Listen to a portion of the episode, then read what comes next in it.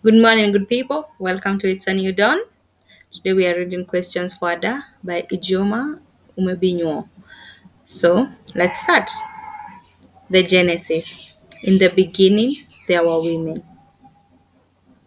Confessions. Mother, I have passed inside me. I did not bury properly. Some nights your daughter tears herself apart, yet heals in the morning.